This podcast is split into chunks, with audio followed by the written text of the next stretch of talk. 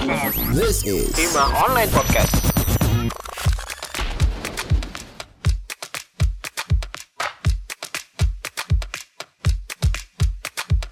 Halo semuanya, selamat datang di Himah Berbicara.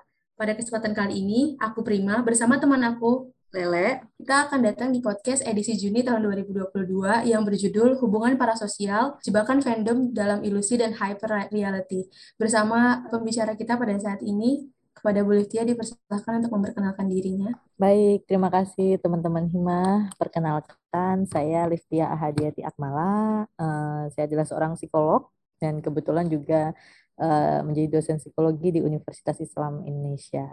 Semoga di uh, sesi ini kita bisa sama-sama ngobrol tentang tadi ya fandom, kemudian apa namanya parasosial, hyperreality yang mungkin uh, relate sama kita sehari-hari dan nanti kita bisa lebih tahu sebenarnya apa sih fenomena-fenomena itu. Ya, benar banget. Terima kasih, Bu Liftia. Jadi, teman-teman, kalau misalnya teman-teman belum tahu, hubungan parasosial merupakan sebuah hubungan satu arah yang diberikan oleh seorang penggemar kepada idolanya, yang melibatkan sisi psikologis. Nah, maka dari itu, kita mendatangkan Ibu Liftia sebagai dosen psikologi yang akan membahas lebih lanjut tentang hal ini. Kemudian, uh, hubungan parasosial ini dikatakan melibatkan sisi penggemar dan sisi idolanya itu karena penggemar akan dengan senang hati mencurahkan energi emosionalnya kepada sosok di dunia maya. Padahal secara sadar kita mengetahui bahwa sosok yang berada di dunia maya hanya bagian dari sebuah ilusi media. Hubungan ini dinilai sebagai hubungan interpersonal yang hanya dirasakan oleh satu pihak saja, karena sosok yang dikagumi oleh penggemarnya secara jelas tidak mengetahui keberadaan kita gitu ya. Jadi terjadilah sebuah relasi asimetris antara pihak penggemar dan sang idola gitu. Nah, teman-teman juga kita tahu kalau misalnya teknologi itu kan semakin hari semakin pesat ya perkembangannya dan itu juga memudahkan kita gitu untuk uh, mengakses internet. Jadi membuat kita seolah-olah tuh memiliki hubungan yang dekat gitu dengan idola kita.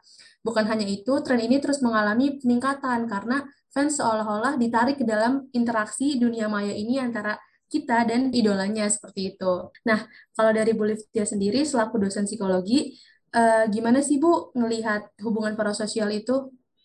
Oke, okay.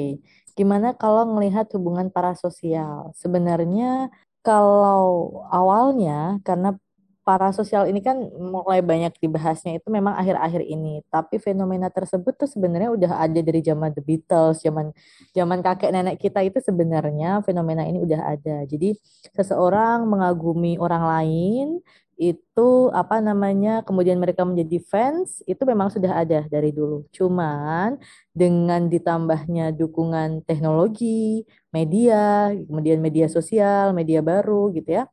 Ini uh, kehidupan fans dengan uh, yang diidolakan itu menjadi semakin berkembang sehingga muncul istilah parasosial di sini. Betul seperti tadi yang juga udah disampaikan gitu ya bahwa parasosial itu sebenarnya hubungannya sifatnya asimetris. Nah, gimana kemudian kita memandang ini? Kalaupun memandang orang itu mengidolakan orang lain itu wajar. Wajar banget bahkan setiap orang sejatinya itu pasti punya idola. Gak mungkin enggak walaupun misalnya idolanya itu cuman uh, bukan cuman ya, tapi idolanya misalnya adalah orang tua kita, ayah kita, ibu kita, atau uh, apa namanya tokoh-tokoh panutan secara in, nasional maupun internasional ataupun artis. Setiap kita pasti punya idola, punya sosok yang kita kagumi gitu. Nah, kalau kita masih uh, sekedar mengagumi itu masih wajar-wajar saja. Tapi memang kalau memandang hubungan parasosial ini kan kebanyakan orang kemudian rata-rata menjadi negatif ya. Kayak ngapain sih kamu ngefans kok sampai segitunya gitu ya. Kamu ngerasa kayak dia pacar kamu, kamu ngerasa kayak kamu tuh teman deketnya dia, sehingga kamu tahu apa namanya permasalahan-permasalahannya dia gitu. Nah, kalau kita berbicara tentang hubungan parasosial, ini sebenarnya fenomena yang wajar saja terjadi. Biasanya memang terjadi pada uh, usia remaja sampai dewasa awal. Karena pada usia tersebut di tahap perkembangan itu kan masa-masa pencarian jati diri ya. Jadi lagi pada cari aku ini siapa sih, aku ini bisanya ngapain, siapa diri aku? Dan lain sebagainya. Sehingga dalam proses pencarian jati diri itu kita biasanya butuh sosok untuk uh, belajar. Apakah kita pengen seperti si A, pengen seperti si B, kemudian uh, apakah kita itu pengen punya sifat-sifat seperti mereka, sehingga kita pengen dikenal dengan pribadi yang seperti itu. Nah, dalam proses pencarian itu, uh, kemudian kita mengidolakan orang-orang tertentu, maka itu sah-sah saja. Nah, yang kemudian menjadi uh, negatif adalah ya tadi kalau kemudian keterlibatan hubungan asimetris itu mengganggu kehidupan realitas aslinya atau hyper reality. Tapi tetap bisa positif sebenarnya hubungan parasosial itu ketika ya tadi kita bisa mengambil nilai-nilai positif dari orang yang kita idolakan untuk kemudian kita ikutin. Misalnya kita ngefans sama orang yang dapat beasiswa ke luar negeri misalnya gitu. Apa sih yang mereka dapatkan gitu? Oh ternyata mereka tuh bisa gini-gini dan lain sebagainya. Kita ngefans nih sama artis, tapi artis ini juga bisa sekolah S2 loh sampai selesai gitu. Dia pendidikannya juga bagus gitu. Apa ya yang dia pelajari? Oh ya aku juga mau dong kayak gini kayak kayak dia gitu, seperti dia. Itu kan ada sisi positifnya. Dia menjadi motivasi, dia menjadi tok apa panutan. Sisi positifnya bisa kita ambil. Cuman kalau kita kemudian melihat dari sisi negatifnya yaitu kayak misalnya beberapa waktu yang lalu saya tuh sering mengamatin uh, mereka mengidolakan tokoh-tokoh tertentu karena satu event gitu ya, artis-artis baru muncul. Kan sekarang banyak ya artis-artis baru yang muncul, kemudian um, kita fansnya sampai garis keras lah sampai yang begitunya sampai kalau mereka punya masalah kita keponya misalnya sampai kayak gimana. Itu tuh bahkan menyerangnya yang lucu, fenomena itu ternyata tidak hanya terjadi pada kalangan remaja sampai dewasa awal. Saya pernah ngobrol sama orang-orang yang usianya sekitar 30-an ke atas, dan ternyata mereka masih melakukan itu. Jadi kayak, kalau misalnya idolanya tuh kemudian kayak punya masalah sama pasangannya gitu di sosial media, mereka tuh bisa sampai yang kepo, sampai yang ikut sedih, ikut baper, tuh jangan sampai putus, yang gitu-gitu. Dan itu tuh masih ada. Jadi bagi kalau misalnya ditanya pandangannya ya itu sebenarnya fenomena yang wajar-wajar saja terjadi gitu. Nah, sebenarnya ini juga apa yang menarik perhatian kita semua karena kalau misalnya kita ngelihat ya Bu di dunia nyata itu kadang-kadang orang tuh benar-benar kayak ketarik banget gitu loh Bu. Jadi kayak ada punya hubungan khusus kayak oh, ih suami aku atau gimana gitu loh Bu. Jadi kadang-kadang suka lucu juga ngelihatnya apalagi kemarin tuh waktu ada idol K-pop yang datang ke Indonesia kan hmm uh, mereka sampai nyamperin ke bandara kayak merelakan waktunya energinya semuanya tuh bener-bener kayak di luar dugaan gitu kayak bisa gitu ya sampai terjerat banget dalam hubungan ini nah kalau misalnya dari ngelihat realita itu bu itu sebenarnya faktor-faktor apa sih bu yang ngebuat kita tuh jadi kayak seolah-olah punya ikatan dekat atau kayak ngerasa dia tuh pacar kita atau dia tuh sosok apa ya mood booster dan lain sebagainya itu tuh yang bikin kayak gitu tuh apa ya bu kira-kira? Oke, okay. nah semua orang betul tadi, semua orang mungkin bisa punya idola. Tapi ada orang yang sampai segitunya gitu ya sama idolanya kalau kita orang-orang lain mungkin ngeliatnya kayak kurang kerjaan banget sih sampai nyamperin, sampai minta tanda tangan, sampai nungguin di bandara lama banget gitu ya, buang-buang waktu dan energi. Tapi kenapa ya ada orang-orang yang rela melakukan hal-hal yang demikian? Yang pertama, kalau kita berbicara tentang para sosial, kemudian tentang fans itu sebenarnya tingkatannya ada tiga jadi orang pertama itu adalah yang pertama mereka entertain sosial. Jadi mereka cuman kayak sekedar terhibur gitu, suka sama sosok idolanya. Jadi ngefans lah gitu, tapi cuman sekedar ih suka sama si A, suka sama si B. Setelah itu karena kita punya ketertarikan kan kita biasanya akan kepo ya, stalking Instagramnya, follow, kemudian media sosialnya diikutin semua. Nah itu mulai tahap ke intens personal. Kita cari nih kulik-kulik tentang kehidupan dia sehari-hari. Bahkan ada yang biasanya biasanya kalau fans-fans kayak gitu kan punya kayak akun media sosial yang isinya aktivitas kumpulannya yang dapat dari sumber mana aja. Jadi netizen itu kan pinter banget ya kalau ngulik-ngulik hal-hal yang semacam itu. Nah mereka kemudian rela untuk ngefollow akun-akun yang seperti itu juga, kemudian ngelihatin apa namanya informasi-informasi terkait dengan pemberitaan mereka. Yang ketiga ini nih yang mulai borderline pathological. Jadi mulai mengarah ke uh, apa namanya reaksi yang berlebihan terhadap idolanya. Nah, biasanya yang faktor penentu utamanya adalah kenapa sih orang mungkin mengidolakan tapi bisa sampai segitunya adalah ketika gitu ya kita tidak punya kontrol diri yang kuat. Jadi kalau kita sebagai individu itu tidak mampu mengelola kehidupan kita, maka ya tadi ketika kita masuk menjadi seorang fans dari satu idola, kemudian kita ketemu dengan sesama fans yang mengidolakan orang tersebut tuh jadi kayak booster. Jadi kayak kita punya tenaga, punya pendo, punya apa namanya motivasi untuk kita bisa sama-sama gitu ya. Uh, apa namanya semakin mengidolakan apa artis ataupun tokoh yang kita idolakan gitu. Nah, tapi kalau kita punya kontrol diri yang baik, kita akan tahu untuk melakukan ini tuh worth it nggak sih? Cukup berharga nggak sih? Aku mengidolakan nih sama si A. Tapi kalau aku sampai harus nunggu di bandara lama-lama gitu ya, sementara tugas kuliah aku masih banyak, sementara uh, apa namanya biaya ke sana juga nggak murah. Ini uh, seimbang nggak sih sama apa namanya yang akan aku dapatkan gitu. Walaupun kadang beberapa fandom gitu kemudian merasa kayak ya tapi kan kepuasan psikologis itu yang nggak bisa dibeli gitu. Nah, tapi kalau kita punya kontrol diri yang baik biasanya orang akan berpikir ulang untuk melakukan hal-hal tersebut. Kita kalau punya kontrol diri yang baik itu tidak mudah terpengaruh, tidak mudah keikut gitu.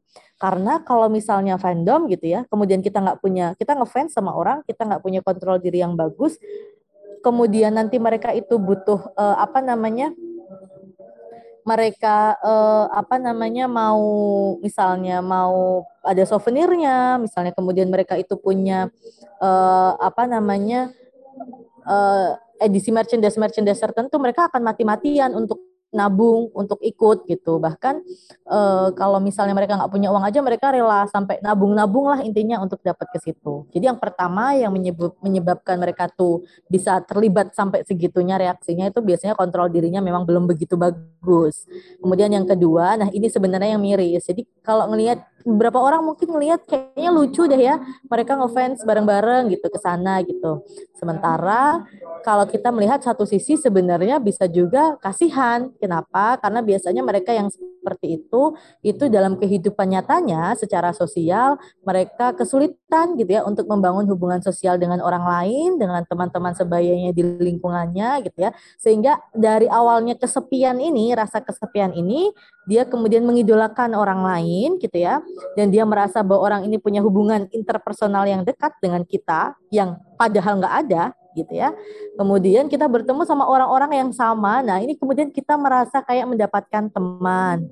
Kita merasa kayak mendapatkan keluarga. Jadi yang pertama biasanya kontrol dirinya memang masih lemah, yang kedua memang dari kehidupan sosial nyatanya tidak terbangun dengan begitu baik sehingga dia kemudian eh, apa namanya bergantung pada kehidupan uh, sosialnya di media sosial yang dia bangun begitu. Kadang kita sering ya lihat kalau misalnya orang-orang yang ngefans tuh kayak di, di kehidupan media sosialnya itu mereka kayak yang wah bisa lucu-lucu ngomongnya tuh cerewet banget wah komentar apa-apa semuanya di komen tapi kalau kita lihat aslinya tuh yang pendiam cuman main HP terus menyendiri kadang cuman ke kantin ya beli makanan aja gitu jadi dia akan terpisah akhirnya kehidupan realitanya gitu ya dengan kehidupan yang ada di media sosialnya. Dan kalau udah kayak gitu sebenarnya mulai nggak sehat bagi individu tersebut. Iya Bu, jadi saya baru kepikiran juga bahwa ternyata antara satu antara penggemar ini dan penggemar lainnya tuh kadang-kadang mereka suka depend dan relatable gitu ya Bu. Makanya iya. menciptakan hubungan-hubungan yang itu tadi. Oh ya benar-benar. Tadi saya notice juga ada beberapa tentang kontrol diri terus hubungan sosial antara si penggemar itu dengan orang lain itu nggak terlalu baik. Makanya mereka bertumbuh jadi satu gitu. Hmm. oke nah ini mungkin teman saya ada mau bertanya bu. Dari hmm. Dela silakan Oke, okay. uh, ini sih Bu, mungkin ketika seseorang udah menunjukkan indikasi ketergantungan atau terjebak dalam hubungan parasosial itu, kayak hal tersebut tuh jadi stress relief atau justru stress trigger gitu. Soalnya kayak uh, kalau misalkan udah apa namanya, udah ngefandomin satu idola gitu kan biasanya kayak bisa lama banget gitu ya nontonin videonya. Ya gitu-gitu Bu. Itu kira-kira gimana ya Oke, nah pertanyaannya menarik nih, stress relief atau stress trigger gitu ya. Nah awalnya mereka akan jadi stress relief pasti.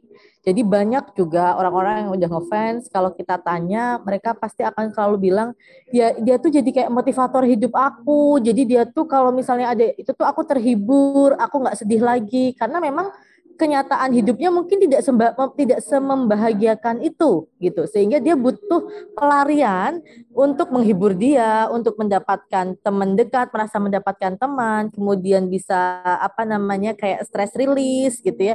Dia bisa uh, apa namanya mengurangi ketegangan-ketegangan di dalam realitas sosial yang dia miliki gitu ya. Misalnya dia ternyata dibully dia ternyata dikucilkan ternyata dia tidak mendapatkan cukup kasih sayang dari keluarganya dia bisa tuh lari ke situ ngeliatin idolanya cuma ngasih tanda kayak tanda love gitu udah kayak ngerasa aduh itu buat aku itu buat aku misalnya gitu kan. Kemudian uh, stalking di Instagram ataupun di media sosial lainnya kayak uh, apa idolanya lagi ke mana gitu ya idolanya lagi ngapain itu jadi stress relief. Jadi karena kita dapat penghiburan tapi sifatnya sesaat sifatnya sesaat. Nah, yang awalnya stress release gitu ya ataupun stress relief ini awalnya uh, kita bisa semakin mengurangi stres yang kita miliki dan itu menjadi penghiburan gitu ya ketika kita melihat uh, video ataupun informasi tentang idola kita tapi kita kemudian kontrol dirinya lemah dan kita masuk ke, ke, ke, ke hubungan parasosial yang intens itu, yang kita merasa bahwa kita punya hubungan interpersonal yang dekat, kita punya uh, apa namanya keterkaitan, pokoknya segala macam yang dilakukan oleh idola itu seolah-olah untuk kita gitu ya. Ataupun kita merasa menjadi pasangan mereka menjadi teman dekat mereka. Nah kalau udah sampai kayak gitu maka ini menjadi stress trigger di mana ketika misalnya idolanya itu kemudian tidak apa namanya tidak update apa pun wah kayak nyari-nyari nih stres parah nih dua mereka lagi ngapain gimana apakah mereka baik-baik aja gitu ya sampai rela nggak makan gitu ya padahal idolanya mungkin lagi seneng-seneng misalnya lagi liburan healing gitu ya kemudian nggak pengen megang media sosial kitanya dong yang malah belibet gitu ya. Yang kedua adalah biasanya menjadi stress, trigger ketika idola itu kemudian melakukan sesuatu di luar ekspektasi kita ataupun yang tidak tidak sesuai dengan yang kita harapkan. Misalnya kita mengidolakan dia karena dia itu uh, apa namanya uh, baik-baik lah sebagai sebagai idola tuh dia baik-baik, uh, kemudian citranya positif dan lain sebagainya. Eh ternyata muncullah skandal misalnya dia kena kasus pelecehan seksual kah atau dia kena kasus apa kriminal atau apa pun gitu ya yang membuat kita kayak kok bisa sih idola kita kayak gitu gitu. Nah, itu biasanya kemudian malah justru menjadi stress trigger buat kita. Jadi awalnya stress relief memang gitu ya. Karena kita kan terhibur ya dan memang mereka kan entertain pasti gitu ya, menarik, menghibur gitu ya sehingga kita bisa mengidolakan mereka. Tapi ya itu tadi kalau kemudian kita terlalu larut dan kemudian uh, malah justru lebih banyak menghabiskan waktu kita untuk stalking dan untuk uh, apa namanya melihat informasi tentang idola-idola kita yang pada akhirnya ketika dua hal itu terjadi si idolanya tidak update ataupun melakukan yang tidak sesuai dengan yang kita inginkan itu akan berubah menjadi stress trigger bagi kita. Ya, jadi bisa dua-duanya ya Bu, tergantung hmm. gimana kita ngelihatnya juga. Ya. Nah sebenarnya sebenarnya saya mau minta maaf dulu nih Bu, dari tadi saya sama Dela tuh ketawa-ketawa senyum-senyum karena tertampar, tertusuk, tersohok semua nih Bu. Saya merasa banget nih kayaknya di ketika Ibu jelasin bahwa itu stress relief itu oh iya benar juga gitu. Terus ketika Ibu ngejelasin tentang stress trigger, oh ya ini ternyata kemarin saya sebel juga nih kenapa dia gini ya gitu. Jadi kita tuh benar-benar merasa kayak waduh ibunya nyindir atau gimana nih gitu. Bener relate banget. Ya, ada maksud padahal ya. Iya, kalau kesindir ya mohon maaf. Jadi gitu teman-teman pendengar hima. Jadi kalau misalnya tiba-tiba teman-teman ngerasa tersindir atau apa pun itu nggak ada maksud sebenarnya ya bu ya. Cuma yeah. kitanya gitu yang yang ternyata oh ya benar juga nih yang ya, Bu Liftia bilang gitu. Jadi saya dari tadi kayak oh iya ya baru kepikiran nih baru kepikiran baru muncul di kepala saya benar juga gitu. Tapi ada ininya gak sih Bu kayak ada batas wajar atau limitasi gak sih bagi seseorang penggemar tuh untuk mengagumi idolanya gitu? Oke, okay. batas wajar uh, ketika kita mengidolakan gitu ya seseorang gitu sampai di mana. Nah, batas wajarnya itu adalah sebenarnya kalau kita masih bisa mengontrol diri kita sendiri. Jadi, ketika kita mengidolakan seseorang itu sah-sah saja. Tapi kalau kita mulai merasa kayak ini mulai gejala sebenarnya. Dalam satu hari, kalau aku nggak buka Instagram idola itu, kayak ada yang kurang hariku.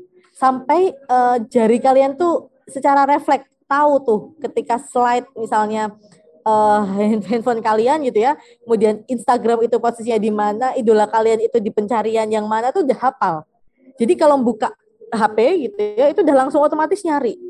Ada waktu senggang dikit nyari, ada waktu ini langsung buka lagi. Kalau misalnya dia nggak update, aduh kok enggak ya, terus lihat di akun fanbase fanbase-nya dia, misalnya gitu. Nah, kalau kita udah kayak gitu, gitu ya, maka itu sebenarnya kita perlu semacam istilahnya yang tadi kita bilang kalau dalam psikologi itu ada istilah detox. Jadi detox tuh nggak cuman kayak uh, secara fisik ya tubuh, tapi secara psikologis. Kalau kemudian kita dalam setiap hari harus merasa harus kalau misalnya itu sebagai hiburan nggak masalah ya. Tapi kalau kita merasa harus mendapatkan informasi tentang tokoh tersebut, harus mendapatkan informasi tentang idola tersebut atau harus tahu idola kita itu ngapain, maka ini mulai sign nih sebenarnya, mulai tanda bahwa uh, kita mulai masuk memasukkan si tokoh idola itu ke dalam kehidupan kita. Jadi seolah-olah gitu ya, uh, dia itu jadi apa namanya tangan kita atau seolah-olah menjadi teman dekat kita karena ya tadi intensitas semua itu dimulai dari intensitas. Sekarang kalau misalnya kita lebih intens untuk menjalin komunikasi dengan idola kita, gitu ya di uh, media sosial misalnya lebih lihat YouTube mereka video klip mereka kemudian konsernya mereka habis itu aktivitas keseharian mereka Instagram mereka Instagram fanbase-nya mereka dan lain sebagainya itu lebih banyak waktu yang kita berikan untuk melakukan aktivitas itu dibanding kita membangun aktivitas sosial secara realitas di kehidupan kita, ya otomatis itu kemudian akan masuk ke dalam kehidupan kita sehari-hari. Dan ini sebenarnya udah bukan masuk batas wajar. Jadi kalau kita masih bisa meng mengelola waktu kita, kapan sih waktu yang kita bisa lihat informasi tentang idola itu? Update nih misalnya seminggu sekali, sok lah gitu. Itu masih nggak masalah. Tapi kalau yang tadi kita udah ngerasa tiap hari harus tahu dan kalau kita hari itu tidak melakukan aktivitas itu jadi kayak ada yang kurang, nah ini mulai nih gitu. Kita harus bisa uh, apa namanya mengelola diri kita sendiri untuk yang tadi milih untuk detox terlebih dahulu misalnya kayak oke okay lah aku coba nih sehari ini nggak nggak ngebuka kan kayak gemes banget ya Duh berita apa aja nih yang kelewat gitu ya seminggu kemudian gitu. Tapi kalau kalian kemudian mencoba itu misalnya sehari, oke okay, bisa. Kemudian kalian kayak misalnya tiap hari, tiap jam ngakses, kemudian sekarang di waktu ini misalnya. Cuman tiap malam aja sebelum tidur. Jadi kalau siang hari lagi beraktivitas kayak gini ke kampus, ke sekolah atau kemudian ke kantor, ke tempat magang dan lain sebagainya, kebelet nih gitu, pengen ngebuka banget gitu ya, dia tahan. Nah itulah kenapa tadi kita bilang bahwa kalau dia punya kontrol diri yang bagus, ya dia nggak akan terjebak dalam hubungan parasosial yang intens negatif seperti itu. Tapi kalau kemudian dia punya kontrol diri yang bagus gitu ya, ketika dia uh, udah nggak tahan nih di, di siang hari pengen kepo gitu ya, dia masih bisa menahan dirinya untuk oke okay nih aku akan komitmen untuk ngebukai di malam hari. Jadi kalau itu sudah sampai menyita waktu, maka kita ngefansnya udah nggak wajar. Oh, berarti ini mungkin efek berlanjutannya adalah ini ya Bu, kayak kurangnya produktivitas, terus Tuh. juga kayak jadi terhambat. Ya benar sih harus ada batasan dan intensitas itu tadi ya dikurangin gitu. Oh, nah kalau misalnya ngelihat dari itu semua, itu kan pasti berlanjut ya Bu. Misalnya kalau misalnya kita mau mengubah diri kita kan pasti butuh waktu juga. Mm. Terus yang tadinya udah kebiasaan dari pagi sampai malam tuh scrolling, terus mm. terus tiba-tiba di stop itu kan pasti kayak aduh ada rasa nggak enak dan berat nah itu pasti. Nah kalau dari sisi psikologisnya nih Bu, kira-kira solusi yang tepat tuh apa sih Bu? Apakah ada kayak time management itu tadi atau seperti apa? Oke, sisi yang tepat, eh, cara yang tepat gitu ya, solusi yang tepat kalau secara psikologis ketika kita merasa bahwa kayak diri kita udah mulai gak sehat nih bu, ngefansnya gitu. Maka yang pertama adalah kita bikin nih to-do list hari itu. Jadi kita misalnya selama 24 jam nih kita mau ngapain aja. Dan tadi saya bilang, proses kita mau ngefans aja kan lama. Dari seneng dulu, tertarik dulu, terus kepo, intens nih kepo, baru akhirnya sampai kita ngefans banget Nah, ini kan proses. Maka untuk menghilangkan itu ya kita harus proses juga. Yang pertama harus dikurang, di, dilakukan adalah mengurangi intensitas mengakses informasi tentang idola tersebut. Caranya ya tadi kita bikin time schedule kita. Kita tentuin misalnya kalau awalnya itu kita nggak ada waktu yang ditentukan nih kapan kita bisa mengakses informasi tentang idola kita. Tapi kalau kita ngerasa kayak aku nggak bisa nih kalau kayak gini terus nggak produktif, tugas aku nggak selesai-selesai dan lain sebagainya, kita atur kapan ya waktu yang kira-kira nggak mengganggu produktivitas aku? Oh malam nih, ya udah berarti aku hanya bisa mengakses informasi tentang idolaku itu malam hari sebelum tidur berapa jam. Dan kita komit terhadap itu. Kalau kita nggak komit ya sama aja bohong gitu. Sehingga ya tadi seperti yang saya bilang, kalau siang hari pengen ngakses, pengen kepo, itu ditahan. Tahan diri. Beberapa orang kadang gitu ya memilih untuk yang mereka udah merasa kayak nggak sehat banget dan membutuhkan pertolongan, kita biasanya akan minta dia untuk detox sosial media.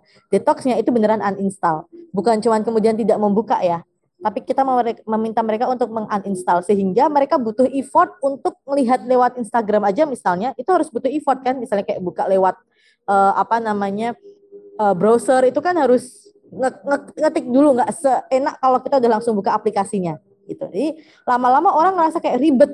Ih ribet ah, mau gitu ribet gitu.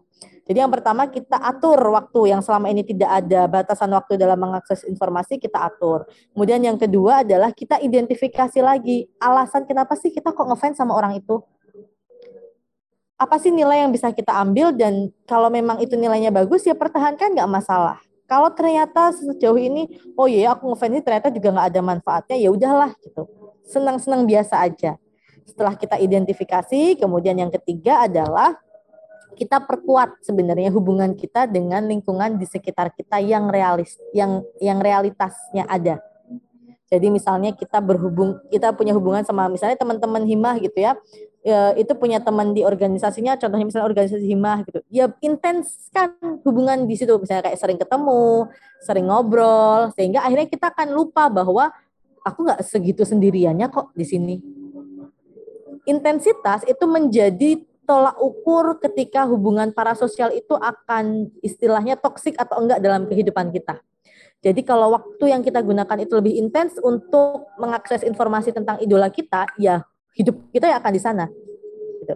Tapi kalau informasi yang apa waktu yang kita berikan ini akan lebih intens untuk membangun kehidupan kita di dunia nyata, ya kita akan merasa lebih relate ke sana. Jadi masalah tentang penggunaan waktu itu aja. Maka cara pertama, kalau kita udah kayak ngerasa dapat warning nih gitu ya, kita ngefansnya udah mulai nggak sehat, atur waktu kalian dulu, batasi untuk mengakses informasi tentang uh, idola itu. Nanti kalau udah, baru nih kita bisa mulai lebih ke apa namanya membangun hubungan sosial yang ada di lingkungan nyata kita dan lain sebagainya. Karena susah kalau misalnya langsung kita minta tiba-tiba stop itu semua terus langsung aktif nih di kegiatan-kegiatan ini ya nggak bisa juga stres juga buat orang itu. Jadi benar-benar tetap butuh usaha lagi ya Bu pelan-pelan hmm. satu-satu. Intinya pelan-pelan. Uh, intinya yang sebenarnya tuh kayak kemauan diri itu nggak sih Bu? Karena kan kita harus meningkatkan apa ya banyak perubahan-perubahan tadi. Cuma kalau misalnya kita yang nggak mau nerima, kita yang nggak ikhlas untuk menjalani juga berat ya Bu ya. Betul. Ya, oke. Nah, mungkin itu sih Bu uh, yang tadi kita tanya-tanyain. Terus juga saya ada beberapa highlight yang pengen saya sampaikan ke teman-teman pendengar Rimah dari apa yang Ibu sampaikan. Kalau bisa ditarik kembali nih terkait segala informasi yang udah Ibu sampaikan, uh, itu ada beberapa nih quotes yang saya saya catat gitu ya. Jadi yang pertama itu ada think twice before do something, self control is a must gitu tadi karena kalau misalnya kita nggak punya kontrol diri itu banyak banget godaan yang masuk pengaruh-pengaruhnya yang ubah diri kita gitu terus juga kalau misalnya kita nggak punya kontrol diri tuh apa ya bu kayak uh, gampang banget dimasukin sesuatu gitu lah bu ibaratnya. Jadi kalau misalnya kita punya botol terus botolnya nggak ditutup kan kemasukan lalat gampang tuh. Gitu ya bu? Analoginya bener nggak betul banget. Betul betul betul. Oke. Oke oke. Nah uh, dari Lala kira-kira ada quotes quotes yang pengen disampaikan nggak? Ya, mungkin aku mau nambahin kayak uh, mengidolakan itu hal yang manusiawi, namun harus tetap memiliki batasan gitu. Kayak balik lagi ke yang tadi udah dibahas juga, kan uh, mengidolakan sesu apa seseorang tuh kayak emang seru ya, cuman kita harus tetap bisa punya kontrol diri gitu, jangan sampai kita malah terlena sama kesenangan itu gitu. Itu aja sih Prima. Iya, apalagi kesenangannya bener kata Bu tadi semata ya. Itu tuh nggak selamanya selama kita hidup tuh bahagianya itu doang gitu kan gak ya Bu ya? nah kalau dari Bu Livia sendiri kira-kira ada yang mau disampaikan nggak Bu ke pendengar Hima? Oke, okay, buat teman-teman pendengar Hima, uh, pesan saya cuma satu. Pada konsep apa pun, kalau kita mengidolakan orang lain ataupun kita mencintai orang lain, maka cintai sewajarnya saja. Karena segala sesuatu yang berlebihan itu jatuhnya tidak akan baik, baik bagi diri kita maupun orang lain. Sehingga kalau kita mengidolakan, ya idolakan saja sewajarnya. Karena yang kita idolakan juga tetap manusia yang pasti punya kelebihan ataupun kekurangan. Begitu mungkin pesan saya. Oke, terima kasih Bu Liptia. Saya masuk ke Sekian juga uh, obrolan kita seputar hubungan parasosial bersama Bu Livia. Semoga teman-teman pendengar Hima mendapatkan insight baru, terus bisa juga jadi merefleksikan diri gitu ya dari apa yang Bu Livia sampaikan bahwa oh ini loh yang baik buat aku, oh ini loh yang enggak gitu. Jadi kalau bisa juga saya simpulkan kalau misalnya si idol ini punya sesuatu yang uh, memberikan keuntungan, punya benefits, punya advantage buat diri kita, ya silahkan dilanjutkan. Monggo gitu ya Bu. Cuma kalau misalnya memang sudah memberikan dampak yang kurang baik, baik itu kesehatan fisik maupun kesehatan mental, itu lebih baik ada usaha-usaha untuk menguranginya gitu lah ya Bu, kurang lebih. Nah, oh. mungkin itu aja sih yang bisa kita sampaikan dari uh, Bu Liftia, dari saya Prima, dan teman saya Lele. Uh, semoga teman-teman mendapatkan apa yang uh, informasi yang sudah disampaikan oleh Bu Liftia. Terima kasih telah mendengarkan Hima berbicara edisi Juni tentang hubungan parasosial, jebakan fandom dalam ilusi dan hyper reality. Aku Prima pamit undur diri, sampai jumpa di podcast berikutnya.